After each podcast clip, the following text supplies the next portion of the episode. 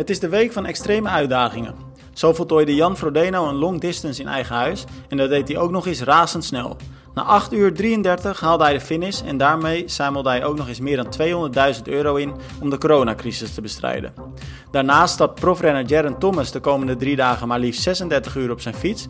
En hadden we het over een Amerikaanse atleet die zich op een willekeurige vrijdagavond in eigen huis verveelde en, nog voordat de coronacrisis toesloeg overigens, besloot om direct 3,8 kilometer te zwemmen, 180 kilometer te fietsen en 42,2 kilometer hard te lopen. Het is mooi om te zien hoe creatief mensen worden door de prachtige sport die we met elkaar beoefenen. En oh ja, we hebben inmiddels zelf de proef op de som genomen: zwemmen in buitenwater. Aan te raden of niet? Dit en meer in de nieuwste aflevering van Triathlon Praat. Ja, Romy, 8 uur 33 en een handvol uh, seconden. Ik weet het niet uh, precies hoeveel seconden, 41 uh, geloof ik. had Jan Frodeno nodig om in eigen huis een, een long distance te volbrengen. Jij hebt de, de, wedstrijd helemaal, nou ja, wedstrijd, de uitdaging moet ik eigenlijk mm -hmm. zeggen, helemaal gekeken. Althans in grote, grote lijnen. Ik heb een paar stukjes gezien. Wel bizar, hè? Ja, echt ongelooflijk. En 8 uur 33, maar dan ook nog met douchen tussendoor. Want na het zwemmen heeft hij nog even een warme douche genomen omdat hij het koud had. Dus hij heeft volgens mij 20 minuten gewisseld van die 8 uur 33. Dus ja, echt wel... Ja, en 20 minuten gewisseld inderdaad, dus echt op zijn dode gemakje. Maar ook gewoon tijdens het sporten. Interviewtjes geven, lachen, grappen maken. Ja. Het is echt alsof die man geen vermoeidheid kent. Ja, ja, ik vraag me af met fietsen wel in hoeverre je dan door Swift ook wordt meegezogen. En ja, hoe, uh, dat, daardoor gaat het misschien ook wel wat sneller voorbij. Dus wat dat betreft kan ik me die snelle ja. tijd wel voorstellen. Maar hij had ook nog wel een uh, net wattage. Maar ik denk wel dat hij ook had bedacht dat hij niet te stuk wilde gaan. Dat hij niet... Uh... Ja. Nou, wij, zei, we zeiden het al, want toen, toen, toen jij aan het kijken was, toen uh, waren wij met elkaar uh, aan het appen. En toen hadden we het daar natuurlijk al, al kort over. Het was ook wel grappig wat, wat jij had opgeschreven in je artikel. Want in het begin van het fietsen, toen riep hij eigenlijk het peloton nog op om iets rustiger te doen. Hè? Hoe, hoe ging dat precies? Ja, hij ergerde zich eigenlijk dat er iets te hard gereden werd. Want hij had een bepaald wattage voor ogen. Ik geloof dat het tussen de 3 en 3,5 kilogram watt per kilogram was dat hij wilde rijden. En er werd wel wat harder gereden. Volgens mij ook echt wel uh, kilo, iets van 48 km per uur of zo in het begin zag ik staan. Dus er werd echt hard gefietst. Maar ja, klopt. Ja, jij bent Swift-fanaat. Die wordt dan ook wel een beetje meegezogen, toch? Door dat peloton. Nou ja, dat is dus echt zo. Kijk, laat ik uh, vooropstellen, als je 48 uh, per uur in, in zo'n groep fietst, dan fiets je echt nog wel stevig door. En dat zag je ook wel aan zijn, uh, zijn wattages natuurlijk die, die hij trapte. Maar het is wel zo dat, ehm, kijk, ik, als ik dan naar mezelf kijk, als ik zeg maar evenveel kracht lever buiten, als ik dan in mijn eentje zou fietsen, dan mm -hmm. fiets ik denk ik in zo'n groep, groep op Zwift met hetzelfde wattage, trap ik al snel een kilometertje of ja, tussen de 7 en, uh, en 8 à 9 kilometer per uur wel sneller gemiddeld. Dus dat scheelt echt enorm. Uh, ja. Maar ja, aan de andere kant, hij zit natuurlijk wel binnen. Dus het is een stukje saaier. Hij heeft, uh, het is waarschijnlijk warmer. Het ja. is, ik vind het wel echt een prestatie. En dat hij dan vervolgens nog die marathon onder de drie uur loopt op een loopband. Ja, ik geef ja. het je te doen. Had jij het verwacht dat het hem zo makkelijk zou afgaan? Nee, nee hij was want als je het zag leek het inderdaad echt makkelijk. Want ook in de laatste honderden meters van de marathon was hij gewoon nog aan het kletsen. En uh, ja, tussendoor kwamen er dus iedere keer interviews met uh, bekende mensen, bekende triatleten ook. Bijvoorbeeld Daniela Reeve belde in. En hoe makkelijk die dan nog in gesprek ging met ze. Dus uh, ja, dan, dan zie je wel dat het gewoon echt een topatleet is. Dat hij dit zo doet en dan, ja, gewoon, het lijkt gewoon rustig. Terwijl dan die eindtijd, als je dat wisselen dan dus ook nog eens in je achterhoofd hebt dan zie je wel dat het echt gewoon een klasbak is. Maar dit is volgens mij mentaal ook echt gekke werk hoor. Dat je dus uh, 8,5 uur binnen in één kamer, nou ja, los van zwemmen dan, want dat deed hij natuurlijk buiten in zijn tuin dan. In een uh, nou ja, soort van endless pool eigenlijk. Mm -hmm. uh, maar dus hij zit dus acht, nou ja, iets minder dan ja. acht uur in dezelfde kamer is hij aan het sporten. Dan moet je wel echt je verstand op nul kunnen zetten. Ja, ja, zeker. Trouwens, dat water was ook nog hartstikke koud. Hè? Dat was iets van 14 graden of zo. Dus dat is ook niet echt ja, 13, een heel lekker temperatuurtje. Oh, 13, ja. Niet echt. Uh, daarom snap ik de ja, warme douche ook wel. Echt. Maar dat mentale, ja, hij had bananenbrood, hè? Nou, het is grappig dat je erover Ik moest heel erg lachen, want ik kwam echt constant... Wat de fuck was dat in godsnaam? Ja, bananenbrood. Het begon al na het zwemmen. Toen, ja, jij dacht dat het kwam omdat hij misschien dat ze niet wilde dat het hele huis in beeld kwam. Wat ik me wel voor kan stellen. Want dan moest hij natuurlijk van het zwembad buiten moest hij richting zijn uh, taxi zien te komen. En nou ja, hij ging ook nog douchen, dus dat konden ze ook niet in beeld brengen. Dus waarschijnlijk heb, toen gingen ze even naar een ander beeld. En toen kwam er een recept. Um, wat zijn vrouw heeft gemaakt voor, ja, voor bananenbrood. En dan het hele recept. Maar ik moest dus erg lachen, want het leek in een soort van 24 Kitchen, wat ik zat te kijken. Het zag er ook heel professioneel uit. Maar dat vond ik dus zo grappig. Maar het bleef ook maar terugkomen daarna. Ik denk dat het wel, wel 30 keer over bananenbrood is gegaan. Eindeloos gewoon. Ja, want we hadden het echt al een kwartier met elkaar over dat bananenbrood. En dus op het moment dat hij onder de douche stond en uh, hij was zeg maar nog niet koud op de fiets en hij stopt één groot homp uh, bananenbrood in zijn mond. Maar het, het, leek wel één grote reclame voor bananenbrood op een gegeven moment. Ja, ja, ik denk dat hij aandelen heeft in bananen of zo. Ik weet het niet precies. Nikita bananen. Maar het mooiste was ook nog, want we hadden daar best wel veel, uh, veel lol met elkaar. En het, het, is op zich wel grappig, want het is natuurlijk wel leuk dat hij dan zo'n recept deelt. En uh, want het zal ongetwijfeld heel veel helpen in je herstel uh, ook. Dus Mhm. op zich is dat leuk dat je dat als uh, normale atleet zeg maar een beetje meekrijgt. En dat voortaan ook zelf kunt gaan maken als je dat zou willen. Mm. Maar één dag later zat ik weer een beetje op socials te kijken. En toen zag ik ineens dat Yvonne van Vlerken ook een recept voor, ik geloof, bananenbrood aan het delen was. Els Visser die was een of andere bananenpannenkoek aan het maken. ik geloof dat we dit jaar over moeten stappen op alles met bananen. Ja, eet jij geen bananen? Ja, ik eet soms wel bananen, maar doorgaans stop ik ze niet in mijn brood en ook niet in mijn pannenkoek. ja, wij eten heel vaak bananen en pannenkoeken. Ik moet zeggen dat ook echt wel een toprecept hoor. Want en dan doe je het er doorheen of leg je het er dan op? In. Nee, er doorheen. Dus dan mix je echt banaan met uh, melk. Ja, ik ga van de week denk ik even het recept uh, uitwerken. Maar uh, ja, ja ik, ik, ik, zou zeggen, maak dat recept inderdaad. Dat is wel leuk als we dat nog op triathlon even delen. Als het blijkbaar zo populair is ineens. Ja, gaan we doen. Dan ga ik ook even populair worden met mijn bananen pannenkoek. Ik heb trouwens ook één leuk recept voor bananen. Dat is wel zo. Bananenmilkshake heet dat. Ah, en hoe, hoe gaat dat dan? Met me melk en banaan? nou, dan rijd ik dus naar een, uh, een groot uh, gebouw. Dat is, er staat een hele grote gele M staat daar. ik denk niet dat dat precies nee, de milkshake is waarmee uh, hey, maar... goed presteert. ja, precies. Hey, maar um, los van dat bananenbrood, want dat was natuurlijk wel, wel hilarisch. Um, maar 8 uur 33, nou we zeiden het al, echt een enorme prestatie. Mhm. Mm -hmm. Maar daarmee hadden die dus ook nog een bedrag op van ruim uh, 200.000. En dat bedrag dat loopt eigenlijk nog steeds een beetje, een beetje op. Dus hoeveel dat bedrag precies is, is lastig te zeggen. Mhm. Mm -hmm. Maar ruim 2 ton.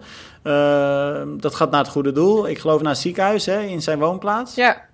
Ja, want uh, ze hebben een nanny en die werkt ook in het ziekenhuis nu dan. Want die kan nu natuurlijk even niet uh, oppassen.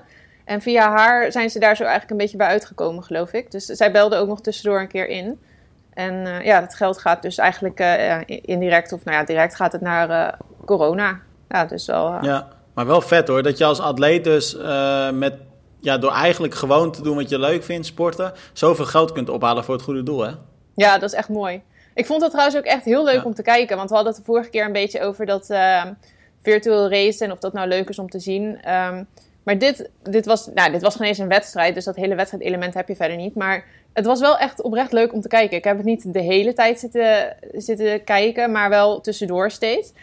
En het was best vermakelijk, want er was op een gegeven moment een DJ. En dan zag je Jan nog een beetje op zijn fiets housen, terwijl hij uh, ergens bij kilometer 170. en het was echt heel leuk. En dan iedere keer van die interviews tussendoor. Ik vond dat ze er echt best wel iets boeiends van hadden gemaakt. Ja, ze hebben dat inderdaad best wel goed in elkaar gezet. En, want wij hadden het natuurlijk vooraf ook met elkaar uh, over dit. En toen zeiden we van ja, zou dit nou wel, wel leuk zijn om te volgen? En zou het niet heel snel eentonig worden? Maar ze hebben dat echt wel, uh, wel goed ondervangen. Dus dat was wel, uh, wel tof om te zien. En ik moet zeggen, want ja. ik was zelf aan het trainen die, die dag. Ik had een, een buitenrit had ik op het programma staan. En ik vond het eigenlijk best wel jammer dat ik daardoor een heel stuk niet gezien heb. En toen ik thuis kwam, ben ik ook gelijk weer nou, nog net op tijd voor de finish gelukkig ingehaakt. Mhm. En dan vond ik het echt wel tof om dat toch nog te zien. Het is toch wel iets unieks weer.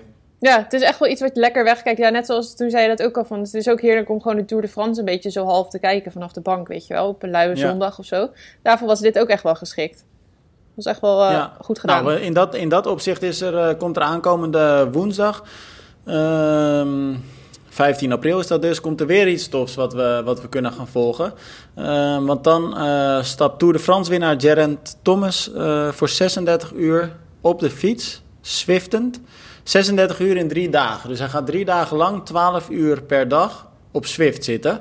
Oh, Nou, ik heb wel eens een lange Zwift-tocht gedaan, maar drie uur dagen lang, 12 uur per dag, dat is wel echt weer bizar ook hoor. ja, ik denk dat je daar niet meer, daarna niet meer op een stoel kan zitten. Nee. Wat, voor, eh, wat zijn de langste ritten die Evert eh, maakt op Zwift? Doet hij wel eens een lange rit? Op Zwift, oeh. Ik denk dat drie of drieënhalf uur toch al wel de max is. Ja, Maar en dat dan heb je het ook echt wel een beetje gehad, toch? Ja, ja, hij is ook niet zo van het Zwiften. Maar goed, je hebt wel mensen die er meer van houden. Want jij hebt natuurlijk wel eens langer gefietst. Je hebt toch ook een keer Ja, maar- een hele dag erop maar- gezeten? Het is, ik heb inderdaad, eh, de langste, langste rit was iets van 8,5 uur, want toen had ik eh 300 kilometer gereden. Maar toen was ik wel echt blij dat ik eraf mocht. En dus het idee Hmm. dat je dan nog eh 3,5 uur door moet en dat dan nog twee dagen langer ook nog. Dat is Verschrikkelijk. extreem. Ja, jij ging toch ook de hele tijd wisselen van fietsbroek? Ja, want het was een groepsrit. En eh, elke 100 kilometer eh, was er dan een pauze van, eh, van drie minuten. Zodat je even snel je bidons kon bijvullen eventueel. En nou ja, droge kleding aan kon doen. En je, ja, je zweet natuurlijk wel veel sneller. Of ik zweet in ieder geval veel sneller binnen dan als ik buiten fiets. Dus eh, ik deed echt Mhm. even elke keer droge sokken aan, droog fietspakje. Nou ja, dan eh, kon ik weer 100 kilometer tegenaan. Ehm, het grote verschil is alleen wel dat ik er geen geld mee ophaalde voor, eh, voor een goed doel. En dus ook niet voor het coronavirus. Of tegen het coronavirus moet ik zeggen. En Jaron Thomas gaat het wel doen. Eh, want net als Frodeno eh, wil hij eigenlijk een vuist maken tegen dus, eh, dat coronavirus. En wat ik dan wel bijzonder vind, hij zegt letterlijk: Het zijn zware tijden en ik wil op mijn manier ook een kleine bijdrage leveren. Het enige wat ik kan is fietsen. Nou, dat vind ik erg. ik heb het idee dat hij zich een beetje kort of een beetje tekort doet met zijn opmerking, want hij kan ongetwijfeld meer dan hard fietsen. Eh, dat verwacht ik ook. maar ik snap wel wat hij bedoelt. Hij gaat natuurlijk echt doen wat hij goed kan en wat hij leuk Mhm. vindt om, eh, nou ja, om dus die vuist te maken. Maar daar zal toch ook wel weer een heel goed, eh, goed bedrag mee opgehaald worden, denk ik, Romy. Ja, ik denk het wel. Dus zullen ze vast wel weer allemaal dingen gaan eh, verkopen ook. Hoe noem je dat? Dat je kan bieden, veilen. Ja, ik weet niet of ze inderdaad eh, spullen. Het zal misschien ook vanuit adverteerders worden gedaan en eh, donaties. Ik weet niet, hij zal ongetwijfeld een paar toffe items eh, beschikbaar stellen. Zeker, dat denk ik wel. Want bij Frodeno hadden ze ook een fiets van Canyon bijvoorbeeld, die ze dan verkochten. Misschien eentje waar hij een keer een rondje op heeft gereden of Ah, zo. ja. Dus, dus vast wel dat soort dingetjes. Dat is wel echt vet als je die fiets hebt, hè? Ja, hij had sowieso echt een mooie fiets. Ik, hij had een of andere nieuwe kleur. Heb je dat gezien? Ja, die wittige, hè? Dat witte. Het was wel een mooi nieuw ding. Ja, dat vond ik ook inderdaad. Nou ja, het is in ieder geval wel de, week van de extreme, extreme dingen. Want eh, jij had ook nog een ander mooi verhaal. En daar zakte mijn broek eerlijk gezegd helemaal vanaf. Ehm misschien vind ik dat eigenlijk nog wel meer bijzonder dan, eh, dan de verhalen van, eh, die we net besproken hebben met elkaar. Want dat was van een Amerikaanse atleet. Zijn naam is me eventjes ontschoten. Eh, maar in ieder geval, het, het is ook eigenlijk was het geen atleet. Zeppelin Serip heet hij. Ik zie het nu hier voor me staan. Ja, Eh, is de echte naam trouwens. ja, bizarre Denk- naam, hè? Is echt. ja. Ik moest gelijk denken aan zo'n ding in de lucht, weet je wel. ja, ik ook. Maar in ieder geval een snowboarder, een, een redelijk goede snowboarder ook. Dus het is wel een sportieve gast. Maar die Mhm. Ja. eh, zat eigenlijk op vrijdagavond zat hij dus thuis. En toen verveelde hij zich. En toen bedacht hij eigenlijk maar ineens een long distance te gaan doen, toch? Ja, ja, en sportieve gast, maar echt niet van het eh, duursporten of zo. Want hij, hij Nee. wist niet van hardlopen of zo, dat deed hij nooit. Eh, zwemmen had hij nooit langer gedaan dan een baantje een keertje heen en weer of zo, zei hij.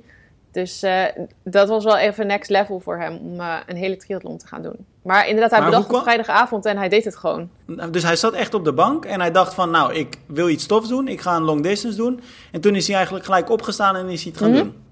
Ja, zo ongeveer wel. Ik denk niet echt direct, maar ja, het ging allemaal vrij snel. En, want hij begon ook op een hele rare tijd. Hij begon op een vrijdagavond, eh, ja, net voordat de zon onderging, rond een uur of zeven of zo, eh, is hij dus gaan zwemmen. Dat deed hij ook wel echt lang over trouwens, iets van twee uur of zo.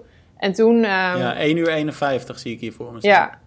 Ja, en toen moest hij dan eh, fietsen. Maar toen is hij dus de hele nacht door... Of nou, niet de hele nacht.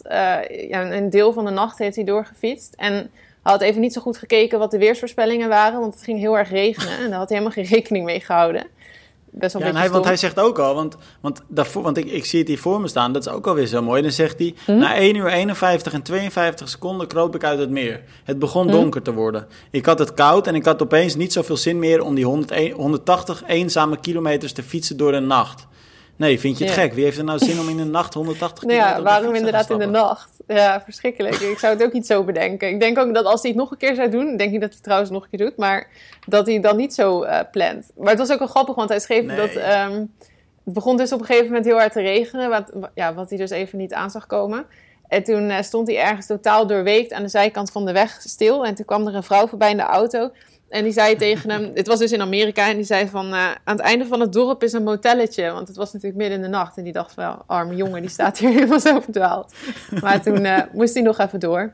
Oh, oh. Ja, maar Romy, hij wist ook echt... Hij had gewoon geen idee wat hij ook ging doen, want ik zie hier ook een quote van hem. Het werd mijn eerste keer fietsen met kussentjes op mijn billen. Nou, daar bedoelt hij dus natuurlijk een semi Ja. kruis. Daar was ik direct erg enthousiast over. Ik droeg trouwens wel trailrail, trailrail, nou, trailrun schoenen op mijn pedalen. Dus hij heeft ook helemaal niet het juiste materiaal Ja. gebruikt. Hij is maar gewoon wat gaan doen. Maar dan is 180 kilometer ver hoor. Ja, verschrikkelijk. En ik denk, ik kan me wel voorstellen, als je nog nooit met een zeem hebt gefietst, dat je dan wel blij bent dat je in ieder geval de keuze hebt gemaakt om een, eh, een broekje met een zeem te nemen. Want anders was het helemaal een moeilijk verhaal geworden, denk ik. Maar ja, niet eens met klikpedalen. En dat maakt ook nog wel een groot verschil. Of je, dan heb je niet die trekkracht natuurlijk. Ja. Dat is heel anders fietsen. Heel apart. Na vier uur moest ik toegeven dat Ironmans wel echt zwaar zijn. Ja, nou dat is wel, wel tof dat hij dat dan toegeeft nu. Ja, ja, ja. Hey, En toen is hij zijn vrouw een wakker gaan maken. eh, Echt... Wat zei je? Toen heeft hij zijn vrouw wakker gemaakt voor de marathon. Want die heeft, eh, hebben ze samen gelopen. Ah, oké. Want, want zijn, zijn vrouw was wel een atleet, geloof ik, hè? Ja, ja, ik weet niet of zij triatleet is, maar zij is wel van het duursport en zo. Zal vast ook wel eens triathlon hebben gedaan. Hm. Dat hij er zo Maar zijn boodschap was eigenlijk, want het was een goed verhaal, eh, wilde ik net zeggen. En als je hem nog niet gelezen hebt, zou ik het eh, zeker aanraden. Want zijn boodschap was een beetje van, nou, ik, ik vond het heel tof dat ik dit gedaan heb. Maar heel verstandig is het eigenlijk niet, hè? Want hij zei, ehm, ik, ik, ja, eigenlijk over de finish wilde ik lekker een biertje drinken om mezelf te verwennen. Mhm. Maar het enige wat ik eigenlijk op dat moment kon doen was trillen, overgeven. Het voelde als de dood, zei hij zelfs. Eh, maar dat Ja. was echt geen fijn gevoel wat hij na afloop dus had. Nee, hij had ook te weinig gedronken, zei hij. Dus hij was Ja. echt totaal uitgedroogd en daardoor werd hij ook zo ziek. Dus hij raadde ook aan om vooral eh, die extra elektrolyten wel eh, mee te nemen. Dat je daar niet op moest Ja. eh, bezuinigen. Maar En ja, ja ik kan wel wezen, voorstellen dit dat hij even ook zegt... niemand aanraden? Nee, nee, nee, ja. Dat, maar daarom, ik snap ook dat hij dat zegt. Want dat moet je gewoon even zeggen om het gas voor iedereen's voeten weg te maaien. Want het is natuurlijk iets waarop je nog wel snel kritiek krijgt. Ik moet zeggen dat het me nog meeviel. Er kwam niet echt veel kritiek op. Er was ook wel veel mensen die zeiden dat ze er veel respect voor hadden. Wat natuurlijk... Ja, dat, Maar dat schrijft- Dat schrijft zijn vriendin ook, hè? Dat vond ik ook wel mooi. Want die zegt... In eerste instantie dacht ik, wat een soort van arrogantie dat iemand denkt... die nooit een triathlon heeft gedaan of überhaupt duursporter is... dat hij dan denkt dat hij even zomaar een hele kan gaan doen. En dat was eerst haar insteek. Van, goh, ik hoop dat hij het heel erg zwaar gaat krijgen... en dat hij het echt verschrikkelijk vindt. Maar zij schrijft dat daarna, toen ze eenmaal daar stond te wachten... en toen hij ging beginnen, dat ze eigenlijk ook wel respect voor hem had. Want ze, ja, hij deed het wel. Hij heeft wel gewoon een hele triathlon gedaan. En misschien dan Ja. wel zonder trainen, maar...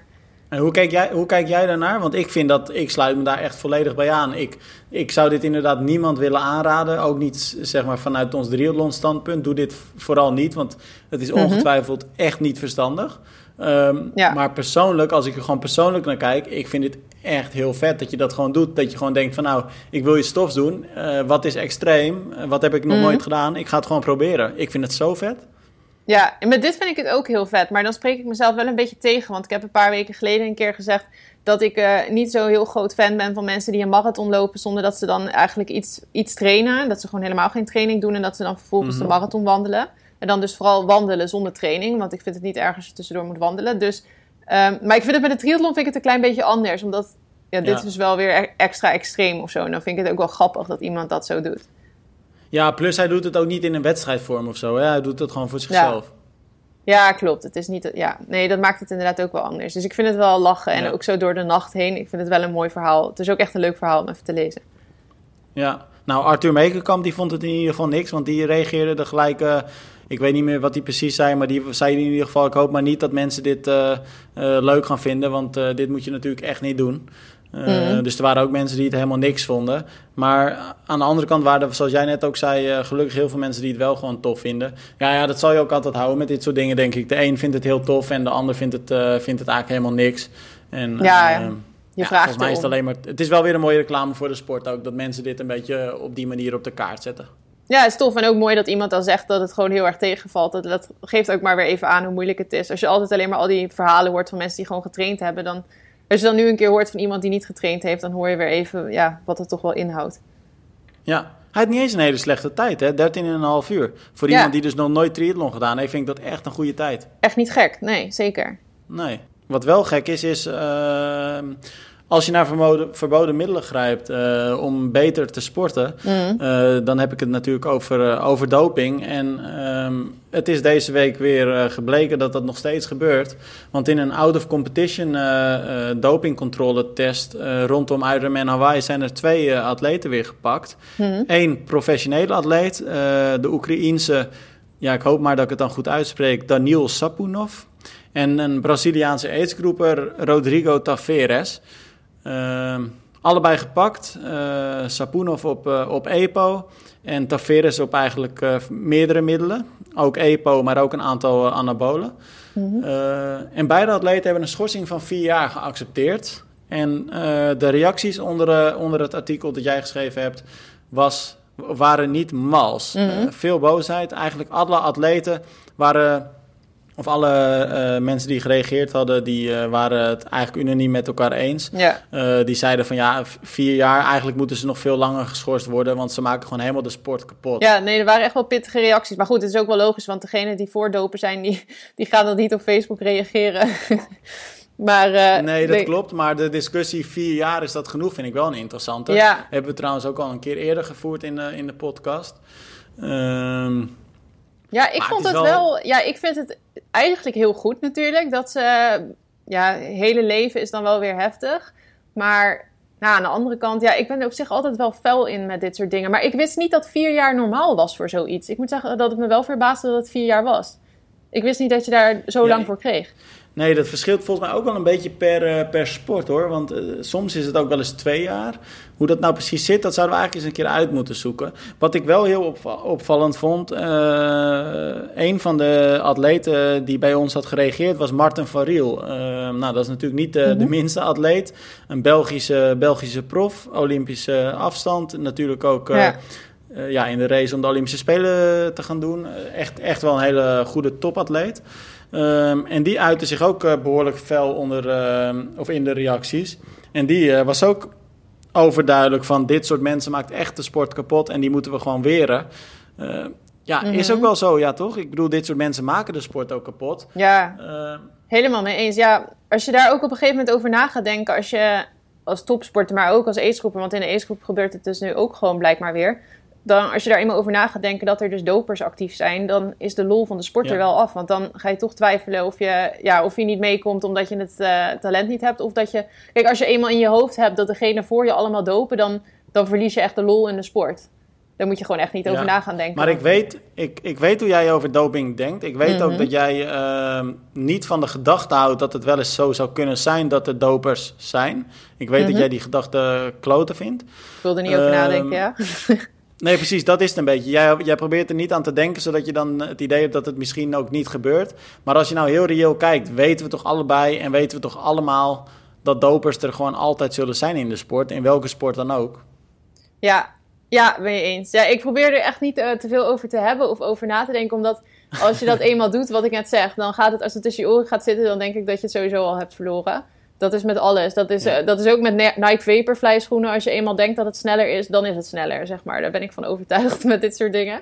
Dus, Ja. maar ja, eerlijk, ik denk inderdaad dat er echt wel veel wordt gedoopt in de triathlon. En ook omdat de controles nog altijd eh, te wensen overlaten, zeg maar. Maar ik ben wel blij om te zien dat er nu zo'n out-of-competition test is geweest in eh, Hawaii. En zelfs bij een acegroeper die niet voorin finished. Want hij, die eh, Braziliaanse acegroeper deed niet eens echt voorin mee. Hij werd volgens mij iets van Nee, 128 sterker nog, hij werd of zo. 128 in zijn aidsgroep 35-39. Daar moet ik ook wel om lachen, want er waren heel veel reacties ook die, eh, die dan eh, de strekking hadden van... Jezus, dan gaat hij dus doping nemen om 128 te Ja. worden, te worden in zijn aidsgroep. Waar ben je dan, wat ben je dan voor een, eh, voor een loser eigenlijk? Ja, Is ook wel een beetje waar, toch? Waar doe je het dan voor? Nee, dat is echt super dom. En ik, ik zag ook ergens trouwens iemand die zei van... oh, misschien eh, is het per ongeluk of zo. Maar iets met anabolen, dat, eh, toen reageerde iemand anders weer... nou, Nee. anabolen neem je niet echt per ongeluk, denk ik. Dat, nee, eh, en ik geloof, begreep uit de reactie van Martin van Riel dat die, eh, die Sapunov, dus die, die Mhm. prof, dat hij al een eh, redelijk omstreden verleden heeft eh, rondom deze thematiek. Dus ik geloof niet dat dat eh, eh, ja, uh, per ongeluk is gebeurd. En zeker in het geval van, geval van die Braziliaanse aidsgroeper mm al helemaal niet. Want die had echt verschillende middelen had hij, uh, had hij in zijn bloed zitten. Dus nee, dat is echt niet, uh, niet per ongeluk. Maar dat vind ik gewoon het raarste, weet je. Als prof snap ik nog dat je op een gegeven moment die stap neemt. Mm gewoon ehm, als je puur kijkt naar een beweegreden, snap ik het als prof enigszins dat je dat op een gegeven moment dan denkt nodig te hebben. En dat je het idee hebt van nou, ik, ik krijg die aansluiting niet, ik moet iets doen om toch de beste te zijn. Die, die beweegreden snap ik, los van dat ik het helemaal afkeur. Maar nou, ik denk dat het... snap ik het echt niet. Nee, dat snap ik dus ook echt totaal niet. Maar ik denk dat ook vaak de beweegreden is dat die mensen zichzelf aanpraten dat iedereen voor zich uh, doopt. Dus dat dat ze dat dan een reden vinden om het ook te mogen gaan doen. Terwijl volgens mij in de triathlon kun je dat nog echt niet zeggen. Dat geloof ik niet. Nee. Nee, dat was inderdaad wel in het wielrennen natuurlijk. In die tijd van, uh, van Armstrong en Ulrich, Pantani, mm. al dat soort gasten toen wisten ze, en dat zeggen ze nu ook allemaal, van we gebruikten gewoon allemaal en we wisten ook dat van elkaar dat we dat deden. Dus je moest het wel doen. Maar dat kun je inderdaad in het geval van triathlon nu niet zeggen. Nee, Tenminste, het zal vast een enkeling eh. zijn, maar het is heus niet zo dat de hele top 10, ja, we hebben ook geen idee misschien, maar ik neem aan dat dat niet zo is, zeg maar, dat er een enkeling is. Dus het is geen reden om te... Ja. Maar het is altijd wel weer kloot, hè, als er zo'n bericht ineens komt. Ja, ik vind het wel irritant. Het is dat ik werk voor triathlon, anders zou ik er niet op klikken. Maar ja, ik moest nu zelf schrijven. Alles voor de kliks, Romy. ja. Waag het niet dat je niet op onze artikelen klikt. moet ik er ook zelf nog allemaal een keer op klikken. Maar dan moet ik er nog wel even Ja, en refreshen. nee, joh, gekkigheid. hey, maar laten we het over leukere, leukere dingen hebben. Want, uh, nou ja, de conclusie is inderdaad... het hoort er helaas bij, doping, en je ontkomt er niet aan. Maar leuk is het niet. Ehm, dus liever over leukere dingen. Al vond ik het ook niet echt heel erg leuk wat ik uh, eergisteren gedaan heb. nee, dat kan ik me voorstellen. Namelijk het ijskoude water in om te zwemmen. Ja, ja, ik ben blij dat ik dan dat dopingverhaal schreef en dat jij dit deed. ja, want het zit namelijk zo. Uh, ja, buitenzwemmen wordt nu natuurlijk een stuk populairder. Ook al is het pas ehm, begin april. En ook al is het water nog heel erg koud. Ehm, ja, de, de reden hoef ik jullie eigenlijk niet uit te leggen. Want de zwembaden zijn dicht. Dus atleten zoeken nu gewoon naar een alternatief. En dat wordt veel uh, gevonden in uh, op het land uh, zwemspecifieke trainingen doen. Maar natuurlijk ook in echt gewoon je, je pak aan en extra bescherming. En het koude buitenwater in. En uh, nou ja, dat hebben wij, uh, of ja, ik dus, uh, zaterdag gedaan. Afgelopen weekend. En um, ja, dat deden we voor een, voor een review. En die zien jullie deze week online komen, aankomende donderdag. Maar... Oh, dus je gaat nog niks vertellen nu? Nou, ik kan je wel vertellen dat het, dat het echt niet fijn is. En we hadden dus uh, hele goede neopreen handschoenen, sokken, uh, badmuts. Ik had een mooi bataljan mm. wetsuit aan. Maar weet je, mijn gezicht werd natuurlijk nog steeds ontzettend koud. En je merkt gewoon dat het niet, het is niet aangenaam. En wat misschien wel interessant is, om hier eventjes met elkaar te bespreken. Want in de review kom ik er uitgebreid op terug of mhm. die uh, accessoires die ik gebruikt heb uh, voldoende bescherming bieden. Ehm, overigens kan ik best zeggen dat dat zeker zo is, want het hielp me echt heel erg. maar ik ga daar dus in de review uitgebreider op in. Maar we kunnen wel eventjes met elkaar de discussie voeren van zouden wij het nou aanraden om nu in het buitenwater te trainen? Want we hebben die discussie natuurlijk vaker voorbij zien komen op de website al. Mhm. Je hebt echt voorstanders en ook felle tegenstanders, zowel onder profs als onder aidsgroepers. Uh, mijn persoonlijke mening, ik zou het nu zeker niet aanraden. Wat zou jij uh, zeggen? Nou, ik zou niet per se niet aanraden. Ik denk dat je er heel voorzichtig mee moet zijn en dan... Uh, ja, ik zou sowieso niet... Ja, ik weet het niet je moet het denk ik niet in één keer overdrijven sowieso. Want ik heb ook Arlo Papot daarover geïnterviewd natuurlijk uh, twee weken geleden ongeveer. Die, mm die zwemt eigenlijk, die doet zelfs een ijszwemmen. Dus die zwemt ook in de winter buiten als het, uh, volgens mij is voor ijszwemmen moet het minder dan 4 graden zijn. En dan, dan zwem je echt maar heel kort. Dat, dat gaat om 500 meter of zo. Of uh, nou, 1000, dan ben je volgens mij al lang aan het zwemmen. Maar um, kijk, voor iemand als hij is het sowieso een ander verhaal, want hij is het al gewend. Maar hij zei ook van, ik denk dat je het best kunt proberen, maar dat je wel echt gewoon goed aan moet voelen wat kan en wat niet kan. Dus dat je, het, dat je echt niet te lang lastig, moet gaan. Hoor, want ik dook dan dat water in en het was, Het was geloof ik een graadje of uh, 12. Dus dat is Mhm. echt wel, eh, wel koud.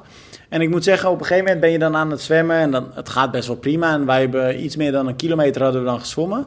Mhm. Ehm, en we hadden ook wat filmpjes opgenomen. Dus uiteindelijk lagen we iets meer dan een, eh, een eh, 20 minuten lagen we in het water. Maar eh, ja, dus echt lang is dat natuurlijk niet.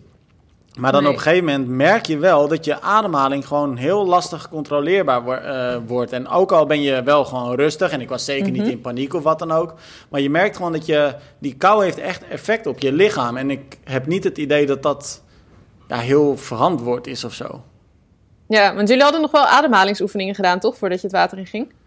Ja, dat was wel grappig, want wij hadden Gjalt Vlam, eh, die was met ons meezwemmen. En dat is eh, de, de man die, eh, waarmee we ook een, een clinic ademhalingstechniek hadden weggegeven onlangs op triathlon. Dus die weet heel veel van ademhaling en je ademhaling rustig houden en het effect daarvan op, op je sportprestaties. Dus we hadden inderdaad even rustig je ademhaling, nou ja, een paar van die oefeningetjes gedaan. En Mhm. dat helpt zeker.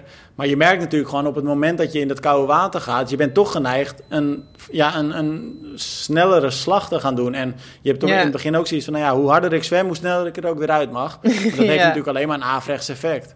Ja, dat herken ik wel. Als, het heel, als ik in heel koud water zwem, dan ga ik ook altijd heel panisch met mijn armen en benen slaan. In de hoop dat je er sneller uit mag of zo. Maar dat werkt niet. maar in Maar die, het verschilt ook gewoon heel erg per persoon, denk ik. Want ik moet heel eerlijk zeggen, vlak voor ons zagen we ook twee triatleten in het water. Een, een vader met een, eh, een zoontje van een jaar of acht, negen, denk ik. Nou, dat jochie had echt geen, eh, geen spek om de botten. Echt heel, eh, Mhm. heel dun natuurlijk. Maar die eh, kwam uit het water alsof die eh, de leukste dag van zijn Maar leven in had. Dus wetsuit? het verschilt die ook gingen gewoon. gewoon zwemmen. Ja, die was wel in een wetsuit gewoon hoor. Dus die was wel eh, goed aange- aangekleed, zeg maar. Maar dan nog, weet je wel, die kwam uit het water alsof hij eh, nou ja, uit de Middellandse Zee kwam. Ja, maar sommige mensen kunnen inderdaad ook gewoon echt goed tegen. Ik kan er echt helemaal niet tegen. Ik, vind, ik was vorige week of zo nog gezwommen toen we nog in Zuid-Afrika zaten in 20 graden of zoiets was dat. En dat, dat ja, het was wel zonder wetsuit, maar dat vond ik echt verschrikkelijk. Ik kan er echt niet... eh, alleen al die hele mentale toestand voordat je er helemaal in ligt. Dan dat hele gevecht in je hoofd dat je er niet in wil. Ik kan dat gevecht echt niet winnen van mezelf hoor. Zwem jij überhaupt wel eens met een wetsuit? Of?